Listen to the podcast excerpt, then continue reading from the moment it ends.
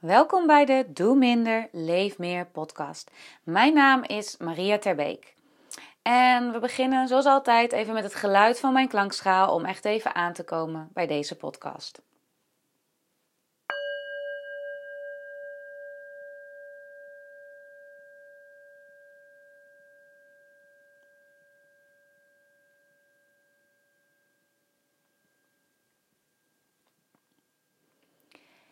En dit is deel 3 van een serie van in totaal 5 podcasts met het thema loslaten. En in de eerste twee ben ik ingegaan op controle, de behoefte aan controle, uh, stress um, en de automatische piloot, hoe dat ons uh, nou ja, nekt vaak en hoe we die weer kunnen loslaten. En uiteindelijk ook hoe kun je vertrouwen cultiveren. En in deze podcast uh, wil ik graag met jullie ingaan op de rollen die je inneemt in je dagelijks leven. Ik denk namelijk dat we soms best wel gehecht zijn uh, aan de rollen die we allemaal innemen. En dat op het moment dat we daar een beetje gehecht aan zijn, er ook best wel veel uh, klachten bij komen. Namelijk, nou ja, hè, hebben we weer stress of juist ongelukkigheid of somberheid, hoe je het maar wil noemen, of angstig zijn. En dat um, het interessant voor jezelf is om eens na te gaan welke rollen je allemaal inneemt in een dagelijks leven. Um, en je zou dat misschien ook eens kunnen opschrijven. Welke rollen neem je allemaal uh, in, in het dagelijks leven? En vervolgens ook, hoe gehecht ben je eraan? Wat levert het je op om die rol aan te nemen? Kijk, we zijn natuurlijk allemaal mens. En rollen hebben we nou eenmaal nodig. Dat is ook wel lekker duidelijk. En um, en ik denk ook dat dat helemaal niet erg is. Alleen op het moment dat we daar heel erg gehecht aan zijn en wij daar beelden bij hebben hoe, hoe wij vinden dat die rollen moeten zijn en hoe je die invult, dan wordt het vaak hard werken. Um, je zou je uh, bijvoorbeeld uh, kunnen afvragen, hè, welk, als je kijkt naar welke rollen. Nou, je bent in ieder geval uh, dochter van je moeder. En misschien ben je moeder of ben je geen moeder. Uh, ben je werknemer en heb je in je rol binnen je werk, of heb je een bepaalde rol binnen je werk? Misschien ben je ondernemer. Misschien ben je vriendin van, vrouw van. En binnen je vriendengroep heb je misschien ook een bepaalde rol. Of ben jij altijd degene die voor iedereen zorgt? Of ben jij altijd het feestbeest, namelijk degene die altijd wel zorgt voor een lolletje als je de ruimte binnenloopt? Um, dit zijn allemaal van die rollen die we kunnen innemen in het dagelijks leven. En um, ik denk dat op het moment dat jij veel waarde hecht aan die rol, um, er ook wel veel, uh, nou, dat, dat, dat, het, dat het aan je gaat kleven. We zijn namelijk bijvoorbeeld allemaal dochter van. En dochter van zijn is lastig. Want we hebben niet altijd e-, even goed contact met onze moeder.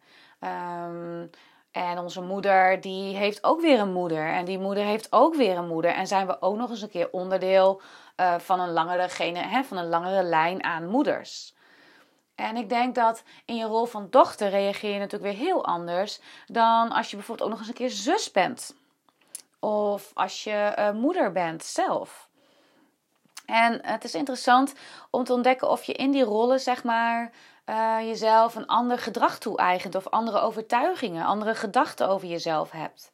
Misschien vind je jezelf een hele goede zus, uh, maar als dochter voel je je altijd onzeker.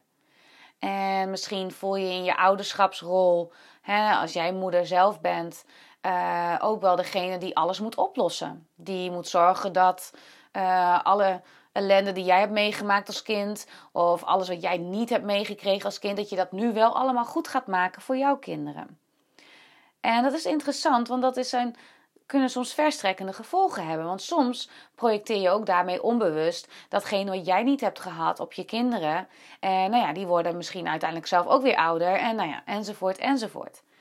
Of vind je dat je het heel goed moet doen als moeder? Omdat je ziet hoe andere moeders op school met hun kinderen omgaan. Of omdat je altijd alle sociale activiteiten moet bijwonen van school. Um, en zo gaat het ook voor bijvoorbeeld in je werk. je hebt een bepaalde rol in je werk binnen je collega's. Misschien of je nou ondernemer bent bijvoorbeeld, of dat je gewoon echt een baan hebt en een werkgever. Uh, je neemt bepaalde rollen aan. Ik merk dat zelf wel bijvoorbeeld. Ik um, heb natuurlijk mijn eigen bedrijf en ik merk dat ik heel lang heb geworsteld met een bedrijfsnaam. Mijn bedrijfsnaam is gewoon Maria Terbeek. En de slogan die ik gebruik bijvoorbeeld is: Doe minder, leef meer of voel weer wat je echt nodig hebt. En um, ik heb heel lang gedacht: van nou ja, ik moet, ik moet een andere naam gaan verzinnen. Maar hij kwam maar niet op. En uiteindelijk heb ik maar geaccepteerd dat het uh, Maria zou moeten zijn. Maar ja, dat betekent wel dat we een Maria Terbeek hebben in haar rol. Zoals ik nu met jullie praat. En een Maria Terbeek hebben die privépartner is van mijn vriend, dochter van mijn moeder is, vriendin van mijn vriendinnen, um, nou ja, et cetera, et cetera. En dat is wel interessant, want dat zijn wel op zich twee verschillende perso personen, om het zo maar even te noemen, maar ook weer niet. Dus ik heb afgelopen jaren daar wel uh, veel mee gespeeld. Van goh, als alle rollen weg zouden vallen, wie ben ik dan nog? Want ik geef bijvoorbeeld ook yogalessen, dus die mensen zien me weer als yogadocent. Ik geef ook wel mindfulness trainingen, die mensen zien me weer als mindfulness trainer. Uh, ik geef ook coaching aan vrouwen, die zien me weer als coach. Uh, maar als het allemaal er niet meer is, wie ben ik dan in mijn bedrijf? En wie ben ik nog in mijn bedrijf? Super ingewikkeld. en ik vind het een mooie oefening om eh, te gaan onderzoeken welke rollen je inneemt in een dagelijks leven. En ook wie ben jij nog onder al die rollen. En wat, welke rollen kun je loslaten? Welke dienen jou eigenlijk niet meer? En we kunnen namelijk ook heel erg gehecht zijn aan de rol van slachtofferschap bijvoorbeeld. Iets wat ons is overkomen, hè, dat ga je, hou je vast. Dat is de rol, dat is comfortabel. Ehm, en no judgment here. Ik ben zelf ook wel eens, of ik heb zelf meerdere malen de rol van slachtoffer op mij genomen. En als ik daarop terugkijk, denk ik, ach jeetje, hè, wat, hoe, hoe kon dat? Hoe is dat zo gekomen? En op het moment dat ik dat los kon laten, kwam er weer gewoon iets heel moois voor terug. Um, dus uh, het is eigenlijk um, helemaal niet erg om rollen te hebben, maar wel gewoon uh, waardevol om naar te gaan dat als alle rollen van je wegvallen, wat blijft er over? En meestal um, hebben we het idee dat we niet goed genoeg zijn. Um, ik weet niet of je de schrijfster Brene Brown uh, kent. Ze heeft hele mooie, hele mooie boeken geschreven. En ik heb haar boek, um, een van haar eerste boeken waarmee ik in aanraking kwam jaren geleden, was De kracht van kwetsbaarheid. En dat wij allemaal schilden opwerpen om maar niet te laten zien wie wij echt zijn. En uh, nou ja, die schilden kunnen allerlei vormen aannemen. Maar waar het vooral vandaan kwam was schaamte. Ons schamen voor wie we zijn. Ons schamen uh, dat we uh, niet allemaal perfect doen. Bijvoorbeeld als moeder of dochter of hè, als werknemer, noem maar op. En ook het idee hebben dat je het niet goed genoeg, dat jij niet goed genoeg bent. Dat je het niet goed doet. En dat zijn natuurlijk best wel pittige aannames om te doen over jezelf.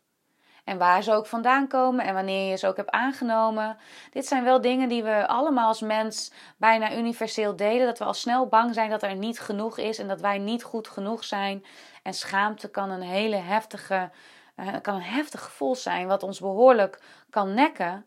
Um, in onze authenticiteit. Want misschien gaat het daar gewoon vooral over. Kun je authentiek zijn wie jij bent? Welke rol je ook aanneemt authentiek zijn, trouw zijn aan de waarden die je belangrijk vindt in je leven.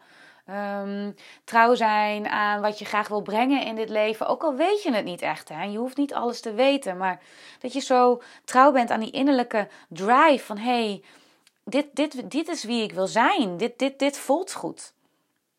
Zonder dat iemand jou vertelt dat dat goed moet voelen. Nee, het komt uit jezelf. Dus voor, um, deze, uh, voor dit thema, de rollen die je inneemt, schrijf eens op welke rollen neem je allemaal uh, aan in je dagelijks leven. En um, als jij geen enkele rol meer invult, wie ben jij dan? Dus wat blijft er over als jij geen enkele rol meer invult? Wie ben jij dan? Neem het mee om die eens te overdenken. En uh, je, kunt op, je kunt je antwoorden opschrijven. En een tip ook, dat mocht je verslaafd zijn aan schrijven. Ik vind het echt heerlijk om op die manier echt even mijn gedachten te laten ordenen. Um, zorg dan dat je je schriftje altijd gewoon bewaart. En dat um, je het idee hebt dat je geen censuur hoeft te plegen voor wat als iemand anders het leest. en um, dat er geen goed of fout is in wat je schrijft. Dus als je bezig gaat met zo'n inzichtsvraag als ehm, als jij geen enkele rol meer invult, wie ben jij dan nog? Dat je dat ook gewoon lekker laat zijn zoals het is en gewoon maar schrijft en ziet wat zich ontvouwt als je schrijft. Ik wens je heel veel plezier hiermee. En uh, mocht je er vragen over hebben, kun je me altijd een mailtje sturen naar info@mariaterbeek.nl. En voor nu uh, wens ik je veel plezier met dit thema. Doei doei!